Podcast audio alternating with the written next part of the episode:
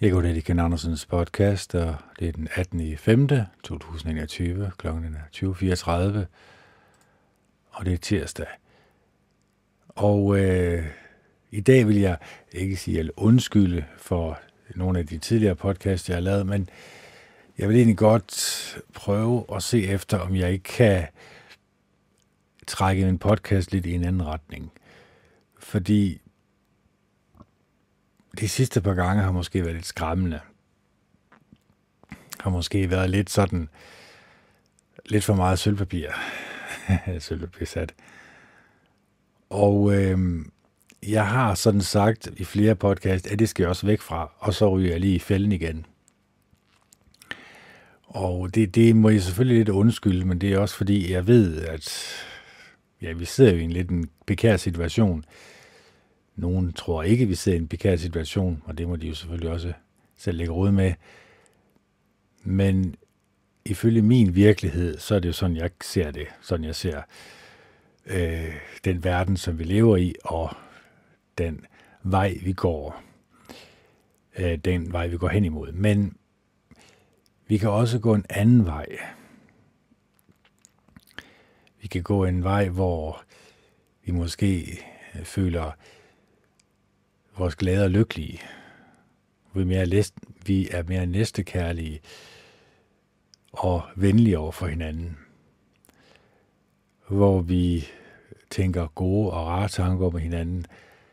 Hvor vi, så vidt det står selvfølgelig til, begynder at forme vores sind i en retning, hvor vi kan føle livsglæde og lykke. Det var egentlig det, der var meningen. Og det er ikke altid, det lykkes helt 100%, når jeg har afsluttet en en times eller to timers podcast. Og øh, igen, det må jeg selvfølgelig lidt undskylde. Altså, det er min egen fejl, at jeg ikke er klar over, hvor stor en indflydelse, øh, som verden har på en. Det, man putter ind gennem øjnene og ørerne selvfølgelig. Og bare en lille smule hvad kan man sige, surdej, for der var hele dejen. Altså, bare en, en lille øh, smule dårligdomme, dårlige tanker, negative tanker, de kan sådan set godt sætte sig på førstepladsen, selvom man synes, at man ikke har haft mange af dem, eller beskæftiget sig med rigtig meget dårligt. Og nu taler vi selvfølgelig om de negative menneskelige egenskaber, men når vi læser højt, når jeg læser højt fra bøger, jamen så er det jo egentlig andre menneskers øh, sind, jeg går ind i. Jeg bliver påvirket af deres tanker og følelser. Og det er klart, hvis øh, der ikke er spænding i en roman, hvis der ikke sker noget interessant, øh, så bliver den jo kedelig. Og det må den jo for guds skyld ikke blive. Øh, så derfor er det jo mange gange, mor, vold, intriger, tortur, øh, menneskers dårlige egenskaber, som åbenbart er interessante at, øh, at læse om. I øjeblikket læser jeg Ken Follets bøger, og jeg ved, ved den sidste i hans øh, trilogi er det jo egentlig om, om anden, første, anden og tredje verdenskrig. Det er jo ikke tredje verdenskrig, men første, anden og Vietnamkrigen. Og Kuba-krisen selvfølgelig også. Øhm, og, øh, og det kan jo ikke undgås, at der kommer nogle, der kommer nogle ret voldsomme billeder. Det kan jo ikke undgås. Lige i øjeblikket øh, er det Østtyskland, og hvordan det må have været at bo under et kommunistisk diktatur, hvor at al kritik af regeringen bliver slået hårdt ned på, hvor du kunne blive taget sted af, taget til Stasis hovedkvarter, og det var ikke særlig rart at det. Så det er jo klart, når man begynder at sætte sig ind i det, og nu er de, kan man sige, nu er der nogen, der har prøvet at flygte, men hans kæreste nåede ikke at komme med. Øh, hun, øh, hun mødte ham ikke ved den her lastbil, hvor de skulle have kørt igennem grænsen eller grænseovergangen og kommet ind på den anden side. Det lykkedes ham, men han blev så desværre nødt til at køre en soldat ned. Så den her spænding, det er skabt, det kan man jo godt sætte sig ind i, at hjertet har nok sat helt op i halsen, for det er jo med livet, livet som indsats. Og mange gange er det jo egentlig lidt med livet som indsats, øh, de her ting, man lader sig underholde med. Altså forstået på den måde, at det gælder jo om, at det skal være nogen, som sætter livet på spil, måske for at få, få, få os til at blive involveret i det følelsesmæssige. Hvorfor ikke det modsatte egentlig? Hvorfor er det ikke de mennesker, som søger livet, som søger at beskytte sig selv, som søger at ikke udsætte sig for farefulde situationer? Hvorfor er det ikke glade og lykkelige mennesker, som ønsker det bedste for os? Hvorfor er det ikke de mennesker, vi lader os underholde af, eller beskæftige os med? Hvorfor er det egentlig kun, eller i størstedelen af tilfældene, mennesker med dårlige egenskaber, eller hvor du kommer ud på livets yderpunkter, så at sige.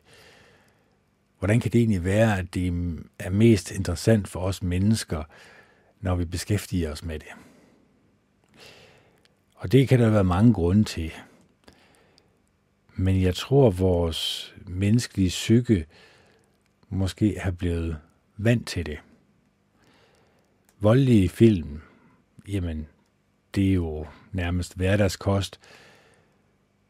Øh, men også det, som selv små børn underholder sig selv med, det er jo, når man ser de her børneudsendelser, så er det mange gange voksne, med meget sådan ekstrem mimik, eller ekstrem ansigtsudtryk, eller der skal ske noget hele tiden. Enten så skal der ske en eksplosion, eller så skal der falde noget ned, eller så skal der, der skal ske et eller andet hele tiden. Og det er jo klart, altså det er jo fordi, det sælger, det er jeg godt klar over. Det er fordi, der er mange, der øh, sætter deres børn foran det her skrald her. Men de har ikke rigtig sat sig ind i, jamen, hvad kan det egentlig betyde for det her barn, at det vokser op i det her miljø, hvor der bliver stoppet en hel masse skrald fra skraldespanden ind i hovedet, kan det så tænke sig, at vi faktisk er blevet vant til det. At når vi læser en bog, og vi kommer til noget et eller andet ubehageligt, at vi sådan egentlig se, en, en set ikke føler det ubehageligt, men føler det spændende i stedet for. Ja, så kunne det godt være, at der var nogle ting, vi skulle kigge på. Fordi det kunne også være, at vores lykkefølelse har noget at gøre med det. Det kunne være, at hvis vi føler os ulykkelige, hvis vi føler os ensomme, øh, hvis vi ikke er glade og lykkelige, så kunne det jo hænge sammen med de ting, vi stopper ind gennem øjnene og ørerne, som jeg har talt om til hudløshed, det ved jeg godt. Øh, så, så for at komme lidt videre i teksten, og ikke begynde at fokusere på al det her negativitet, jamen så skulle min podcast jo gerne, den næste times tid, gerne handle om det at være et positivt menneske, hvordan vi opnår at være et positivt menneske, og hvordan vi egentlig, når vi finder de her værktøjer frem, egentlig også kan sige nej tak til det, som kunne gøre os mindre tilfreds eller decideret triste til mode. Fordi det er utroligt nemt at blive. Altså vrede, eller det at være ked af det, eller det at blive følelsesmæssigt involveret i de negative følelser, det er så utroligt nemt. Når vi begynder at meditere over det, når vi begynder at meditere over næstekærligheden og venligheden og ydmygheden og mildheden, når vi begynder at blive ligesom den varmhjertige samaritaner, så kan vi i endnu højere grad få øje på de steder, hvor vi ikke kunne få øje på det før. Og det er jo det, som er utrolig vigtigt for vores humør. det er jo, at vi øh, kommer til den erkendelse, at vi selvfølgelig alle sammen i mere eller mindre grad er blevet påvirket af det, som vi står ind gennem øjnene og ørerne igennem længere tid, og måske en dag kommer til den åbenbaring, at vi selvfølgelig skal gøre alt, hvad vi kan for at komme ud af det. Komme væk fra det. Holde os væk fra det. Og jeg tror, at der er flere mennesker, som egentlig godt ønsker inderst inde at ændre sig til det bedre. At komme ud af den her dårlige og negative tankegang. Men de ved ikke rigtigt, hvor de skal begynde. Og det er der, hvor jeg kommer lidt til hjælp, det er jo at fortælle jer, hvor stor en indflydelse skraldespanden har på jer.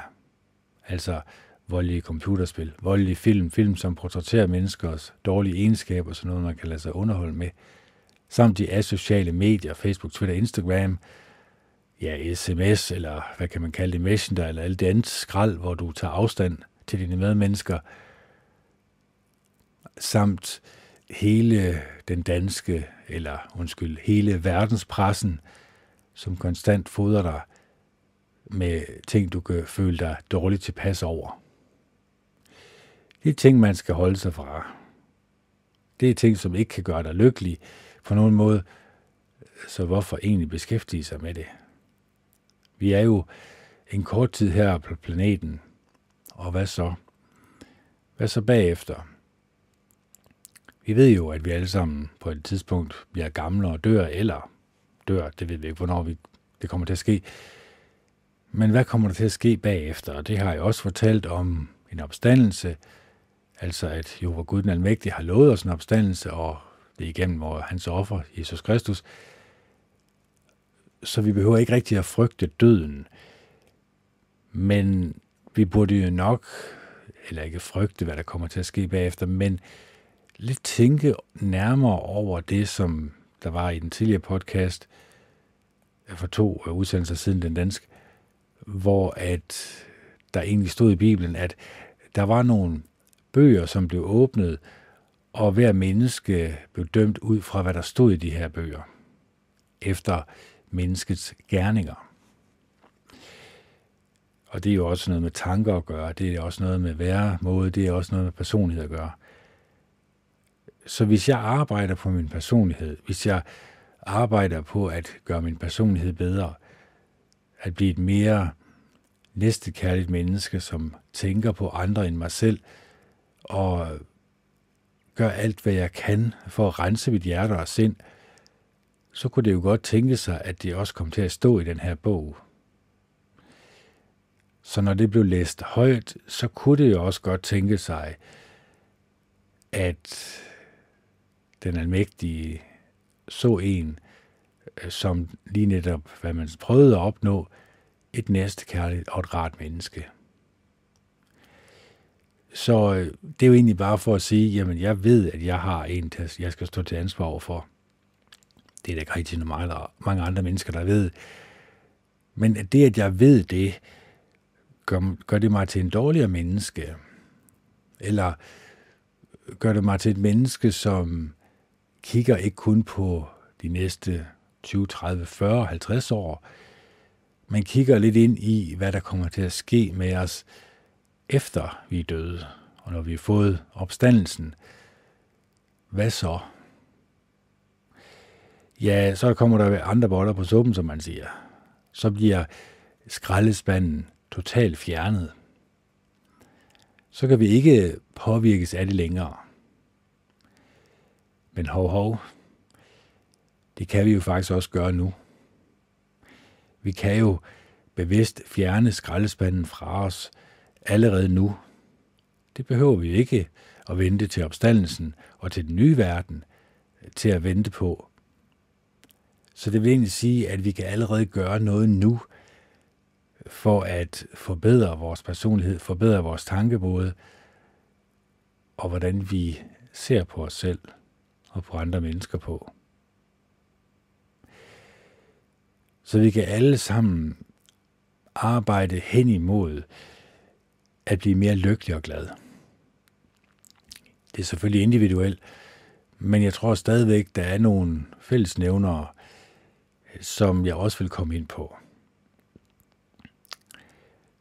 Det, at vi alle sammen har følt kærlighed, eller har fået eller modtaget kærlighed på et eller andet tidspunkt i vores liv, måske da vi blev født af vores mor og far, men har vi så også følt det op igennem vores barndom, voksenliv eller teenageår.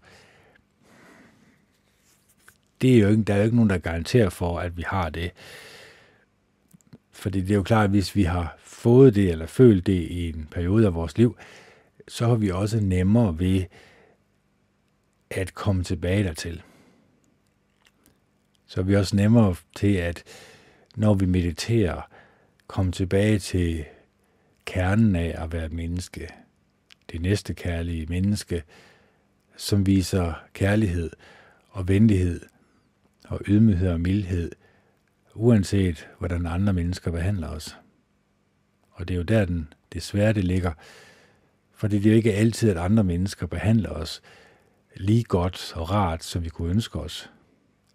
Det er jo så der, hvor vi egentlig bliver prøvet ved at blive draget og lokket til også at deltage i de negative egenskaber, som det her menneske tydeligvis gør, øh, som har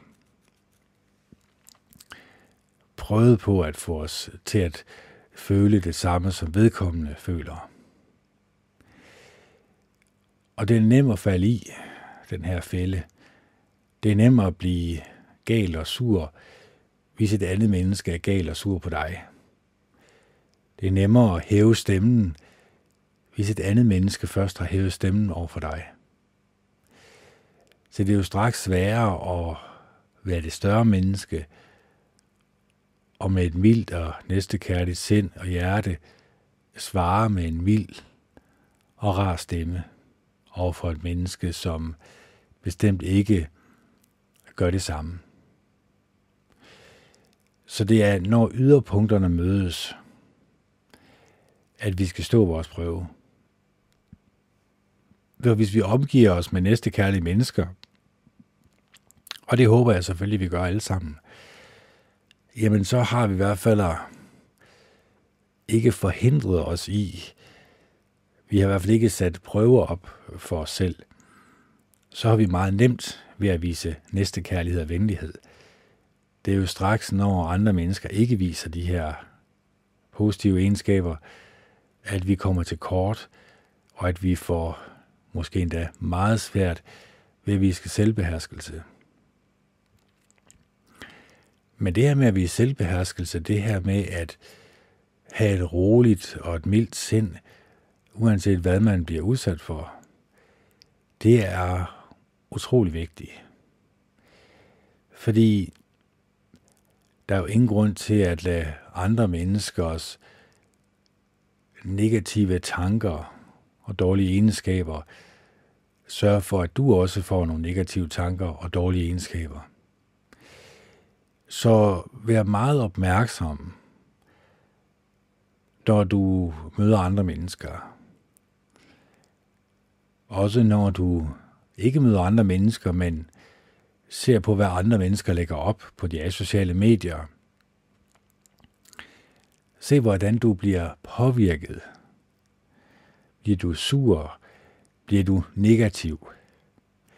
Ja, så er det nok ingen grund til at beskæftige sig med det, fordi det vil jo ikke gøre dig glad og lykkelig. Det er jo ikke det, der var målet øh, med din livsrejse. Det var jo at blive lykkelig og glad. At leve lige nu og her som et glad og lykkeligt menneske, som vil jeg våge at påstå, kan se på en lys fremtid. Og det her med at se på en lys fremtid, det er så utrolig vigtigt. Især når jeg også har talt om det er knap så sjovt, der kommer. Så når vi kigger på en lys fremtid, så uanset hvad der sker, så kan jeg, så kan du i hvert fald gøre en indsats for at opbygge dig selv som et mere positivt menneske. Og de her positive tanker, de kan komme fra andre podcast, de kan komme fra selvhjælpsbøger, de kan komme fra åndelige ledere som Dalai Lama, hvor de her mennesker også prøver at leve et godt og et rart liv, fyldt med næstekærlighed og venlighed. Og på den måde, så kan du lade dig smitte af noget positivt. Men det kræver den indsats, at du siger til dig selv, jeg gider ikke at kigge i skraldespanden længere. Jeg gider simpelthen ikke at omgive mig med negative mennesker eller lytte til dem. Fra nu af, der vil jeg gøre en indsats for kun at fylde mit hjerte og sind med positive tanker og positive mennesker. Og det er ikke for at sige, at vi ikke kommer til at møde negative mennesker. Det gør vi alle sammen.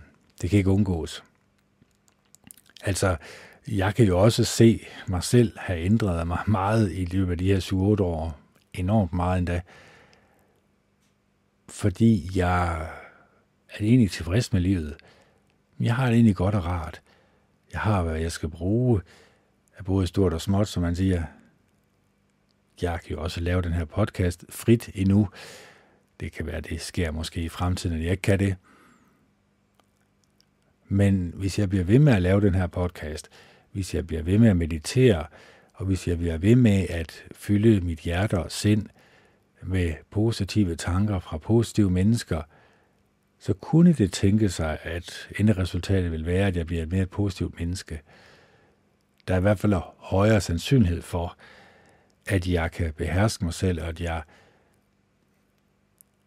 kan tænke mig om, inden jeg taler, når jeg har fyldt mit hjerte og sind med positive tanker fra positive mennesker. Så jeg håber selvfølgelig også, at du også derude ønsker at fylde dit hjerte og sind med positive tanker. Og det starter selvfølgelig i de små, det er jeg godt klar over. Det er ikke noget, som vi bare lige gør, men vi må jo stadigvæk være interesseret i vores omgivelser. Vi må være opmærksomme på vores omgivelser, og hvordan de kan påvirke os enten i en negativ retning eller en positiv retning. Og det er jo ikke mod natur, der gør det, hvis vi går i naturen. Det er jo ikke dyr, der gør det. Nej, det er jo nok mennesker. Det er jo nok mennesker, vi skal være opmærksomme på, som Bibelen siger, tungen er en ild, og med tungen kan man gøre rigtig meget ondt. Det kan vi se op igennem verdenshistorien, hvordan mennesker har lyttet til andre mennesker og har ført dem i, til et meget dårligt sted. Så det er, for, det er også ret vigtigt, at vi er selektive med, hvad vi lytter til, vi er selektive med de mennesker, som vi tillader os, eller som vi tillader at komme ind i vores sind og hjerte, fordi de kan jo påvirke os, enten i en positiv eller negativ retning. Og jo mere du beskæftiger dig med positive mennesker, jo nemmere bliver det at afvise negative mennesker og negative tanker fra at komme ind i dit hjerte og sind. Så hvad kan vi lære? Jamen, vi kan lære, at det, som påvirker os allermest, hvad er det? Hvad er det, der påvirker os allermest? Og det er jo individuelt. Jeg kan jo ikke svare for dig, du kan nok ikke svare for mig. Men hvis det er andre menneskers negativitet, som egentlig påvirker os i en negativ retning, hvorfor så ikke komme ud af det? Hvorfor så ikke sige nej tak til det? Det er jo ikke noget, der kan gøre dig lykkelig og glad. Det er da ikke noget, der kan på nogen måde fylde dit hjerte og sind med positive tanker, som får dig til at føle dig godt og rar og tilpas indvendigt. Fordi den måde, vi føler med os selv på, det har mere at gøre med det, der kommer udefra, end du måske lige først regner med. Øh, og du kan kun finde ud af det, når du siger nej tak til det, når du lader være med at blive påvirket af det, fordi så er det først der, du egentlig ser, hvor stor en påvirkning du har været under. Så lad være med at se på alt det her negative skrald fra skraldespanden. Det er der ingen grund til. Det gør dig ikke lykkelig og glad. Konkurrenceånden gør dig heller ikke lykkelig og glad. Computerspil gør dig heller ikke lykkelig og glad. Der er faktisk ikke rigtig meget, der egentlig gør dig lykkelig og glad af det, du kan lade dig underholde med.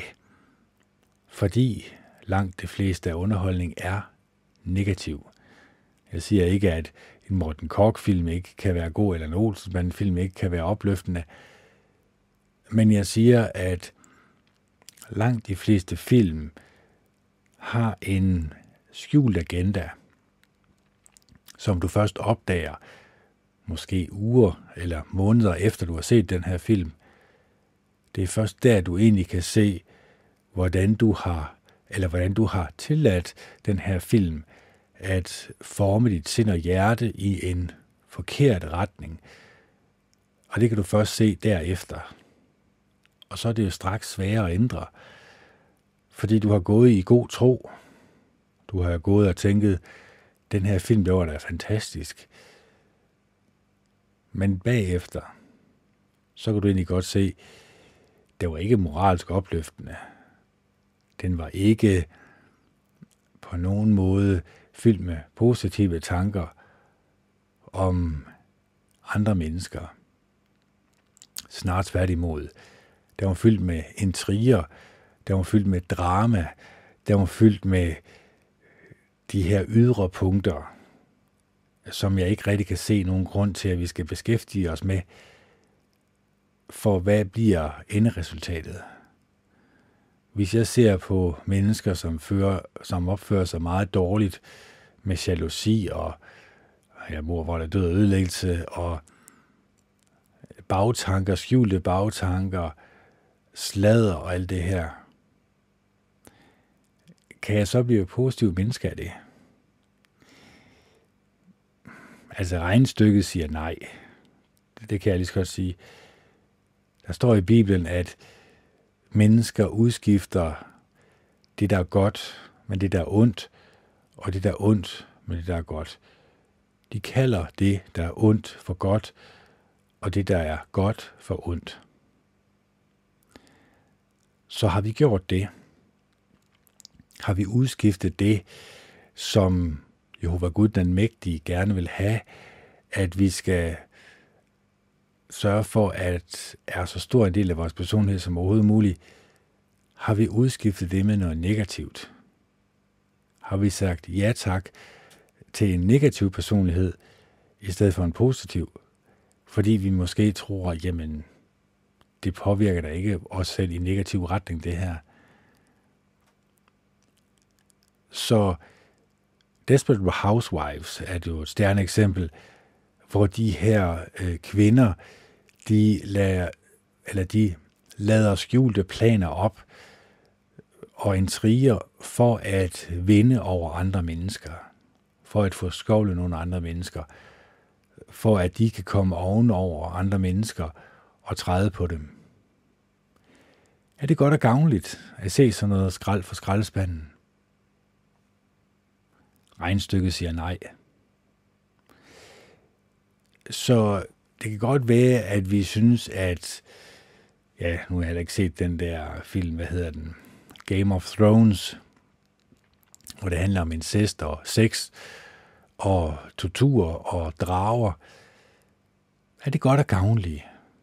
Er det noget, der påvirker os i en positiv retning? Er det noget, som skaber et godt og et positivt menneske? Nej, regnstykket siger nej. Bibelen siger nej. Fordi mennesker udskifter det, de tror, der er godt, men med det, der i virkeligheden er ondt. Hvor de egentlig skulle udskifte det, der var ondt, med det, der var i virkeligheden godt og gavnligt for dem. de her spørgsmål, jeg nu stiller jer, eller den her tankebylde, som jeg nu gør mig, den skulle jo gerne påvirke mig, så når jeg siger nej tak til det skrald fra skraldespanden. Og jeg kan kun tale for mig selv og sige, det har jeg gjort igennem en længere periode. Og jeg kan i hvert fald sige, at det har skabt et mere positivt menneske. Jeg er blevet mere in tune with myself. Jeg har accepteret mig selv, kommet videre og sagt til mig selv, det her det er vejen, du skal gå på. Fordi når jeg bliver ved med at fylde mit hjerte og sind med positivitet, så virker det positivt. Så virker det opløftende. Og jeg kan kun tale for mig selv, og jeg kan selvfølgelig også kunne opfordre jer til at gøre det samme. I skal nok prøve det, før I tror, at det virker. Men jeg kan garantere for, at det virker. Så hvis du har det lidt dårligt med dig selv, hvis du har en indre stemme, som konstant fortæller dig dårlige ting om dig selv og andre, så den eneste måde, du kan komme ud af det på, ja, selvfølgelig, hvis det er meget voldsomt og psykotisk, så søger du selvfølgelig professionel hjælp, det er klart. Men en af måderne at komme ud af det på, det er at begynde at sortere i det skrald fra skraldespanden. Sige nej tak til det, og begynde at fylde hjertet og sindet med, med flere og flere positive tanker. Flere og flere positive mennesker, som har noget positivt at sige. Fordi det vil jo i sidste instans hjælpe dig.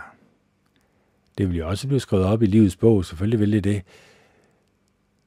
Men det vil hjælpe dig til at modstå de strabasser, som livet måtte give, de negative mennesker, som du måske møder, det kan jeg ikke sige, at du gør, men at du i hvert fald har forberedt dig. Men du er også forberedt dig på at møde positive mennesker. Fordi hvis du er et positivt og et rart menneske, så vil du uvilkårligt i langt de fleste tilfælde tiltrække positive mennesker ind i dit liv. Men hvis du er et menneske, som altid er sur, øh, som altid går rundt med negative tanker om dig selv og andre, så er det måske de mennesker, du tiltrækker, nogen med samme personlighedstræk som dig. Så det er derfor, jeg synes, det er ret vigtigt, det er faktisk meget vigtigt, at vi begynder at opdyrke os selv på en så positiv måde som overhovedet muligt.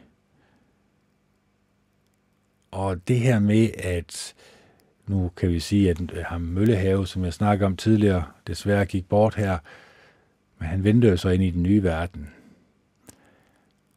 Og hans tanker lever jo videre. Han skrev jo næsten 200 bøger. Så vi har rig mulighed for at komme ned i det her tankemøller, som han havde, og hvordan han så på mennesker. Han arbejdede med rigtig, rigtig mange mennesker – han mødte rigtig mange mennesker i sit liv, og hans livssyn var på en eller anden fasong positiv. Og hans livsanskuelse kan vi bruge i dag til også at sætte os selv i en båd, som kunne føre os hen til mere positive vande. Så skal vi ikke lige gøre det. Vi er ved at være færdige med Møllehaves erindringsbog, eh, erindringer fra 1987 til 99. Og jeg vil selvfølgelig øh, klart anbefale den. Så vi skifter lige over her, som vi plejer at gøre, og så læser vi lige højt.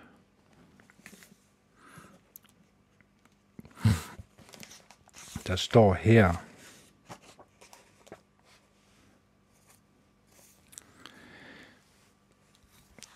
der står her, med rosen læges tornestikket. Jeg skal lige have mikrofonen lidt længere ned, kan jeg se. Hvad er sjælesorg? Et gammelt ord, som måske for længst er sat på pulterkammeret i forhold til ord som psykoterapi og psykoanalyse. Er psyke finere end sjæl? Er en præst i stand til at være psykolog og psykoanalytiker uden uddannelse i faget? Er det ikke fuskeri, hvis han tror, at han kan erstatte fagfolk? Kommer præsten med noget i ærmet, som psykoanalytikeren ikke har? Gud eller mening med livet? Råder præsten over et sprog, som er af en anden verden end psykoanalysen? Er det et overgreb, når præsten benytter et billedsprog, som man kender fra lidelserne og salmerne? Jeg har længe haft et mantra, som jeg trøster mig selv med, og jeg har altid ment, at kun hvis noget trøstede mig selv, kunne jeg være bekendt at forsøge at trøste andre med det. Med rosen læges tonestikket. Som bekendt taler Brønson om, at den yngste rose er funden. Ganske vist vokset op mellem tornene, forhærdede tisselgemytter, som først bare står der, men siden bliver yderst aggressive. Lad verden mig alting betage, lad tornene rive og nage, lad hjertet kun dåne og briste, min rose jeg aldrig vil miste.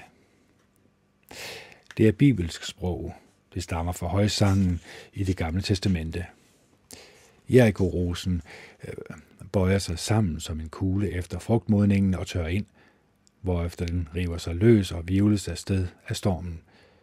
Ved den mindste fugtighed folder den tørre plante sig ud, og derfor er Jericho-rosen i det gamle testamente et billede på nyt liv og opstandelse. Jeg er Sarons rose, dalernes lilje, Højsangen kapitel 2, vers 1. Men på dansk kender vi også ordsproget om roser fra hverdagsudtryk, som for eksempel ingen roser uden torne. Der er noget janteagtigt over udtrykket. Man er forelsket op over begge ører, og så siger familien, ja ja, ingen roser uden torne. Det betyder, kom ned på jorden, menneske. Du ser kun det ydre. En dag bliver hun en skarp harpe. Ingen roser uden torne. Grundtvig vender udtrykket om og siger modsat, hvis det nu er rigtigt, at der ikke er roser uden torne, så er der vel heller ikke torne uden roser. Roser han lod på torne gro, lærte os så at smile. Fra salmen, Herren han har besøgt sit folk. I en salme, som først tryktes efter Grundtvigs død, hedder det, med rosen læges tornestikket. Jeg vælger mig denne linje som symbol på forskellen på psykoanalyse og sjælesorgen, og jeg supplerer den med et andet udtryk fra en grundvis salme. Og tror du på den kærlighed, han elsker støvet med, der læg og rejs dig i hans ånd, vær ej for trusselred. Det er fra salmen, Esto modfalden, kære ven. Rosen er kærlighedens symbol. Det er derfor, Brønson taler om den yndigste rose. Han opfatter højsangens rose som en forudgribelse af kristendommens påstand om, at rosen er fundet. Lyset, det sande lys, som oplyser et hvert menneske, var ved at komme til verden. Johannes evangeliet kapitel 1, vers 9. Dermed bliver Brønsons religiøsitet erotisk opladet. Det forholder sig lige omvendt med Emil Årstrup. Han oplader sin erotik med religiøse billeder. Det kan, altid, eller det kan altså gå begge veje. Man kan tale om, at ens elskede er guddommelig, og man kan tale om, at man ikke må have andre guder end Gud selv.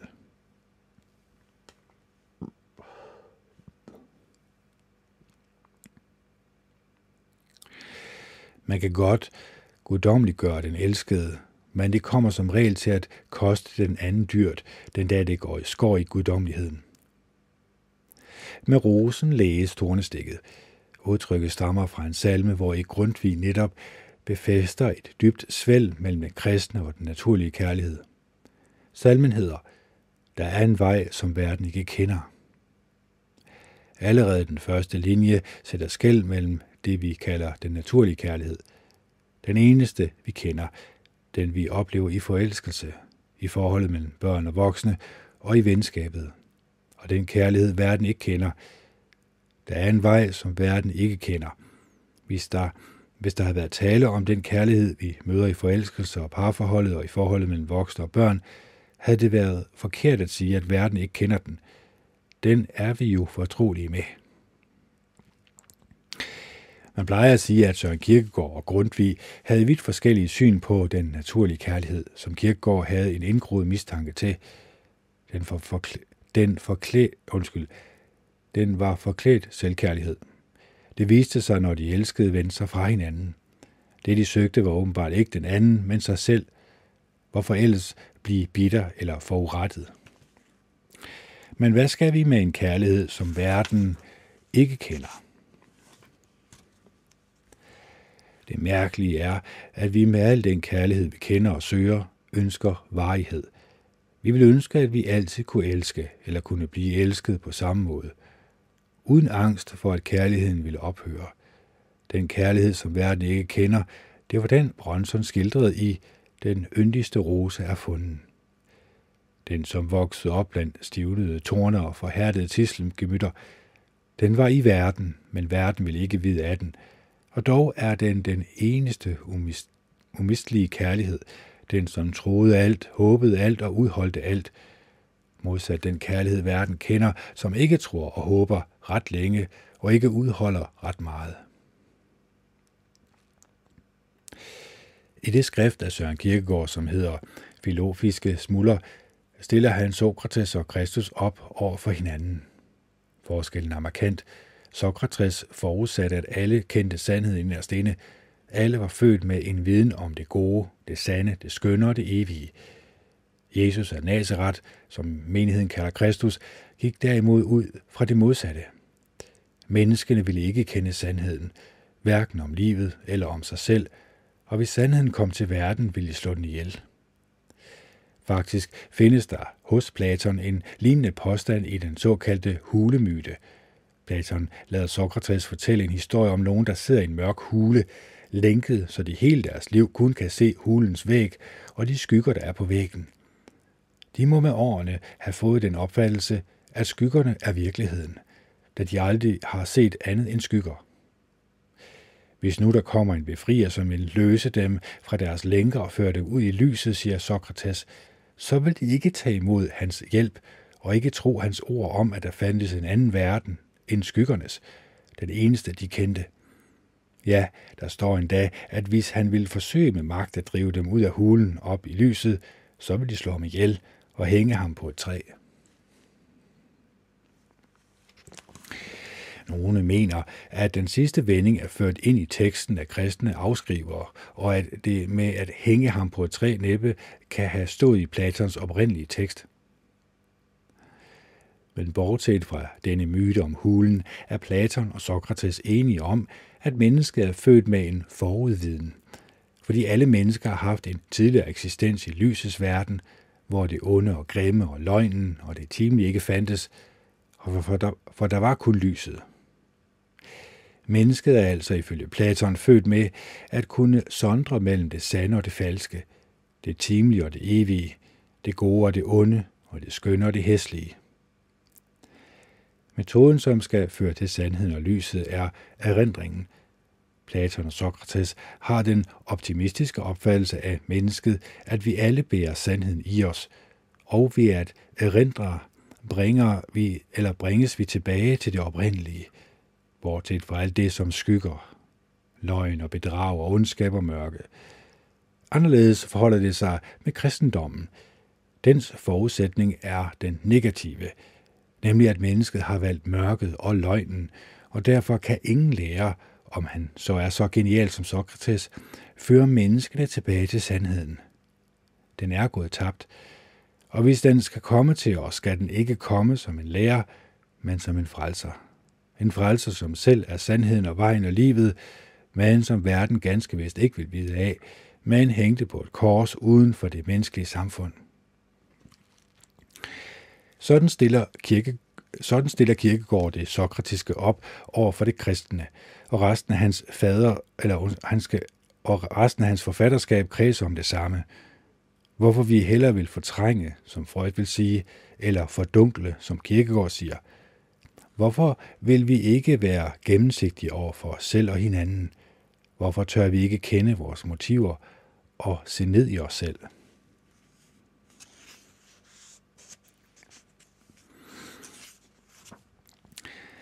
Var vi modige nok til at være gennemsigtige, ville vi være klare som norsk kildevand, men, siger Kirkegård, det er, som vi altid hælder blæk ned i det klare vand, så vi ikke kan se ned til bunden. Vi ønsker det ikke. Når jeg trækker Kirkegårds sammenligning mellem det sokratiske og det kristne frem, er det fordi, jeg mener, han her trækker et skæld mellem psykoanalysen og sjælesorgen. Psykoanalysen har som Sokrates et optimistisk forhold til mennesket. Inderst inde vil vi gerne kende os selv og være gennemsigtige, og det kan vi hjælpes til ved at gå tilbage i erindringen gennem samtale og analyse af drømmene og drømmenes processer. Psykoanalysen og sjælesorgen kan nok enes om, at det der er problemet, eller kan nok enes om, at det, der er problemet, er kærligheden. Næsten alle psykiske konflikter bunder i angsten for ikke at være elsket, eller angsten for ikke selv at kunne elske. Forskellen ligger i opfattelsen af, hvad kærlighed er. Jeg kendte en præst, som samtidig er psykoanalytiker, og ham har jeg læst i disse år, skønt jeg ikke længere selv har noget, eller han ikke længere selv har noget embede. Men jo mere jeg har læst af ham, des klare er mange sjælesørgiske situationer i mit liv blevet klarlagt for mig. Han hedder Ben Falk. Han har en meget stor erfaring med samtaler med mennesker i kriser. Han er en dygtig teolog, og han er meget klar i sine formuleringer. Sådan skriver han for eksempel om sorgen i kærlighedens pris. Kærligheden er stærk som døden, hedder det i Salmons højsang i det gamle testamente. Det er ikke opbyggelighed, som når vi taler om, at kærligheden er stærkere end døden. Det er krasrealisme, og det er, hvad enhver elskede ved om kærligheden. Et hvert kærlighedsforhold er en endnu ikke indtruffet sorg, og en sorg, som helt bestemt vil indtræffe. Det er godt. Det, der er godt, kan ikke ende, uden at det er sørgeligt, at det er forbi. Jo mere vi elsker, jo mere vil vi en dag komme til at savne. Prisen for at elske er, at vi ikke længere kan være ligeglade med at dø, eller med at vores elskede dør. Det er, hvad ordene fra højsangen betyder, når de siger, at kærligheden gør døden tung. Men budskabet i dette betagende digt er, at kærligheden er sorgen værd. Det ved vi også i psykoterapien. Det, som det er sværest at slippe, er det, som man slet ikke har haft. Barndommen, som ikke var nogen barndom, eller forholdet, der aldrig blev til kærlighed. Tro, derfor ikke, at du ved at leve lidt mindre og elske lidt mindre, kan slippe for din sorg. Det er bedre, at du skaffer dig noget at savne. Det du har haft kan være sorgen værd, men sorgen over intet kan let gå hen og blive blandet med vrede, så den bliver bitter.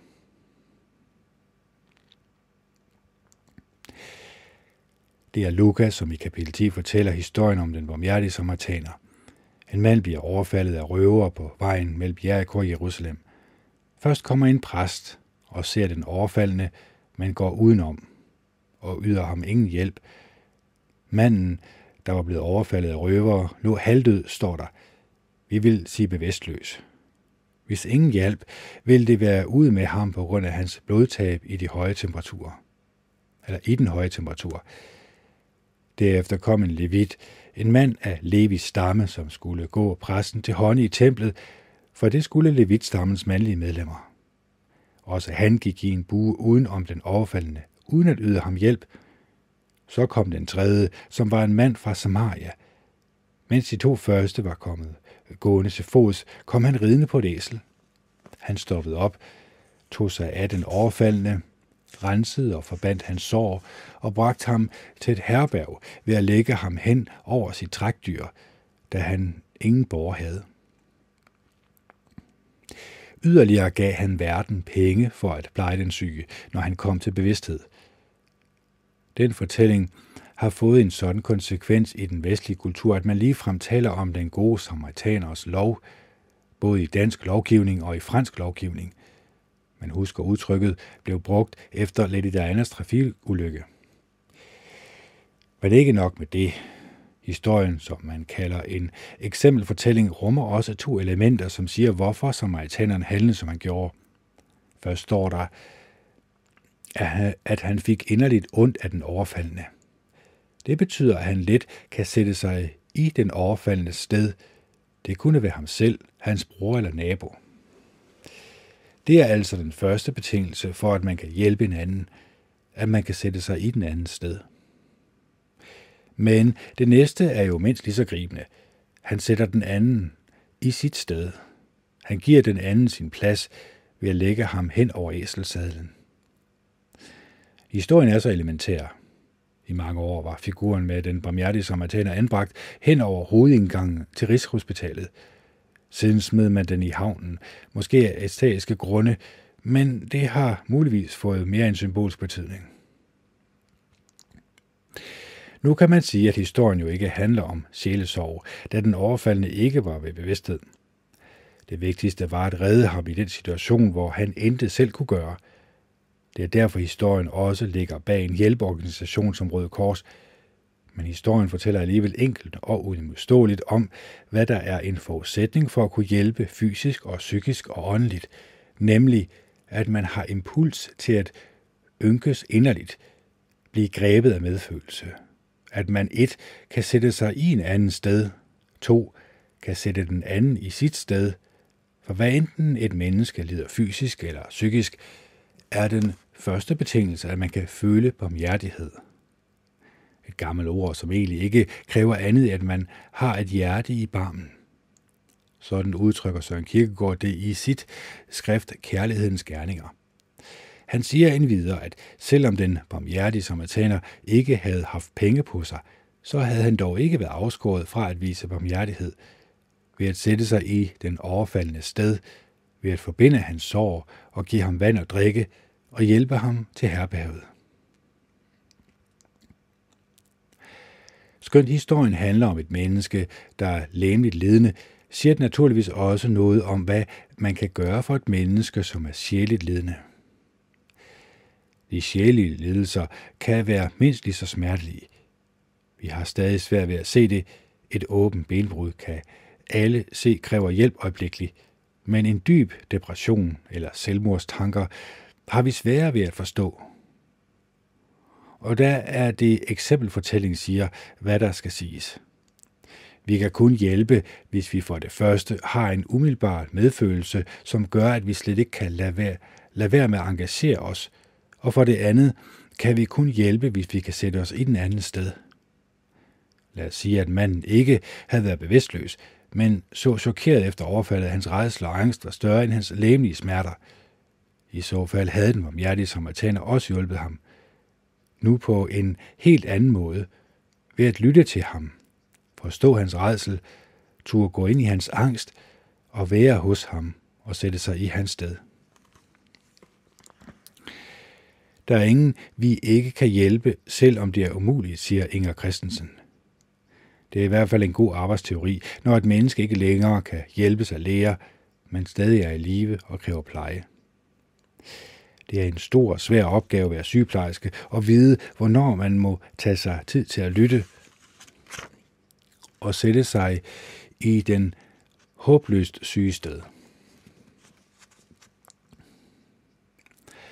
Og hver gang betyder det også, at hvis det går i dybden, at man sætter den syge i sit eget sted. Så Mataneren gav ikke bare den nødstede sin egen plads i sadlen, han gav også hans tid. Det er et utroligt væsentligt træk i fortællingen, for hvor lang tid har vi til den, der lider under angst eller fortvivlelse. Ingen alvorlig læmelig behandling kan udføres på kort tid. Det tager tid at være patient, man skal have tid til at indse, at man virkelig er syg og ikke kan klare sig, uden at der bliver gjort noget. Man skal have tid før et indgreb, og man skal have god tid efter et indgreb, før man, som det hedder, bliver sig selv igen. En hver ved, at det tager mindst lige så meget tid at hjælpe et psykisk overbelastet menneske. Man bruger lige frem den vending, må han eller hun nogensinde bliver menneske igen. Altså ikke bare sig selv, men menneske. Så stor en forandring kan en sorg, et tab, en psykisk lidelse påføre, at man kan spørge, om vedkommende nogensinde bliver menneske igen. Når jeg tænker tilbage på min tid som præst, har jeg mødt alt for mange, som ikke led fysisk, men psykisk. Som led efter svære tab, efter at have mistet barn eller ægtefælle, men også mange, som ikke havde mistet nogen, men mistet lysten til at leve. Livsviljen, som havde forsøgt selvmord, og som igen talte om selvmord. At tale med mennesker, som ikke har det mindste overskud, kræver tid, men det kræver også, at man som samaritanerne ikke alene sætter sig i den anden sted, men også sætter den anden i sit sted, bruger sin tid på den anden i stedet for på at komme videre som præsten og levitten, og de fleste af os andre for den sags skyld. Det har vi jo psykologer og psykiatere til, kan man sige. Jamen, kristendommens påstand er, at mennesket ikke kun er et væsen med somatiske, læmelige problemer og psykiske, sjælige problemer. Mennesket er også et væsen, som har åndelige problemer. Ånd betyder, at forudviden, eller undskyld, at foruden at forholde os til vores krop og sind, forholder vi også, også til os selv. Og det betyder forfra hver morgen. Man er ikke uden videre den, man er. Man er hele tiden på vej til at blive sig selv – Der findes en lignelse om rejgræsset eller flyvehavren på marken. Spørgsmålet er, om man skal gå ud og rive rejgræsset op med rode, men svaret, men svaret lyder, nej, lad det vokse mellem kornene. Hvem har sået det gode korn, spørges der. Hvem har sået rejgræsset, spørges der. Det har et ondt menneske gjort, lyder svaret. Ofte udlagt som djævlen. Men der står et ondt menneske. Det betyder, at skældet ikke går imellem os, de gode og onde, de bevidste og de ubevidste, men at skældet går gennem os selv. Derfor er der altid noget, vi ikke helt vil forholde os til og overtage som vores eget. Og det er her, den åndelige dimension kommer ind, og dermed sjælesorgen. Augustin talte om mennesket som et væsen, der altid forholder sig til tid. Han talte om fortiden som erindring, fremtiden som forventning og øjeblikket som opmærksomhed – det er min erfaring, at der i vores erindring altid er noget, vi helst vil være for uden, glemme, fortrænge, fordunkle. Kristendommen påstår, at vi er fri af den fortid, som truer os, fordi tilgivelsen er en realitet. Fremtiden behøver vi ikke øh, kun at opleve med forventning. Det er den positive måde at møde fremtiden på – vi kan også opleve den med en frygt eller angst, som næsten gør det umuligt for os at leve det nærværende liv, fordi fremtiden hele tiden gør os redselslagende. Kristendommen taler om troen, hvis udtryk er forventning. For vores forfædre har vi modtaget et sprog, som så at sige taler religiøst om livet. Ved at sige, at vi har fået eller modtaget livet eller sproget, taler om at lægge noget i skæbens hånd.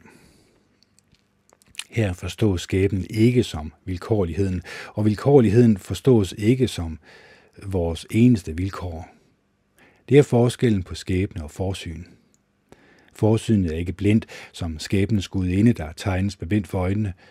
Tværtimod, det hedder forsyn, fordi det er seende. Sælges ikke to spure for en skilling, og ikke en af dem falder til jorden, uden at jeres far er med dem. Sådan kan psykoterapien ikke tale, men det kan sjælesorgen. Under tiden kan man høre det fra et menneske, som selv er i dyb nød. Jeg begravede engang et barn, som kun blev et par år. Da jeg spurgte moderen, som var alene med barnet, hvad vi skulle synge ved barnets kiste, sagde hun, op al den ting, som Gud har gjort – da jeg lidt undrende spurgte hvorfor, fordi det jo er en stor lovprisning af det skabte, svarede hun, fordi der står, det mindste han har skabt er stort. Sådan ydede en salmelinje hendes sjælesorg bedre, end nogen præst kunne have gjort. Hun ville også have forstået sætningen med rosen læges tornestikket. Jeg sad forleden også, eller jeg sad forleden over for en ung, stærk personlighed – vi havde fået et arbejde til side, en radiooptagelse, og gik bagefter over for at spise frokost. Her fortalte han om sin fars selvmord. Da faren tog sit liv, var sønnen 16, og han havde været psykisk syg i to år, og også søgt lægehjælp. Han var meget knyttet til sin far, og virkeligheden skred fra hinanden ved det selvmord. Han kunne ikke finde tilbage til sit eget liv. Det viste sig, da han fortalte min øh, fader, da, det viste sig, da han fortalte mig faderens navn, at jeg havde kendt faderen og endda været sammen med ham en måned før det skete. Jeg spurgte selvfølgelig, hvordan han var kommet tilbage til livet igen og kommet videre, som man kalder det. Det fortalte han meget klogt og bevægende, øh, bevægende om. Det var ikke mindst alt det, faren havde betydet for ham, der vejede det frygtelige op.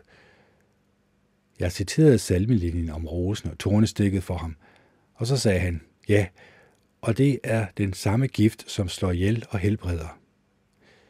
Jeg bad ham ikke yderligere kommentere den sætning. Jeg mente, jeg forstod den. Snip, snap, snud, den historie ud. Hmm. Øhm, og så har vi lige lidt mere tilbage her, men det tager vi lige til den sidste podcast. Så øhm, jeg tror, jeg er den stå lidt selv. Jeg tror ligesom, at jeg vil lade det her synke ned. Jeg vil måske også lige lytte til den her podcast, og især lytte til det, som jeg lige læste højt.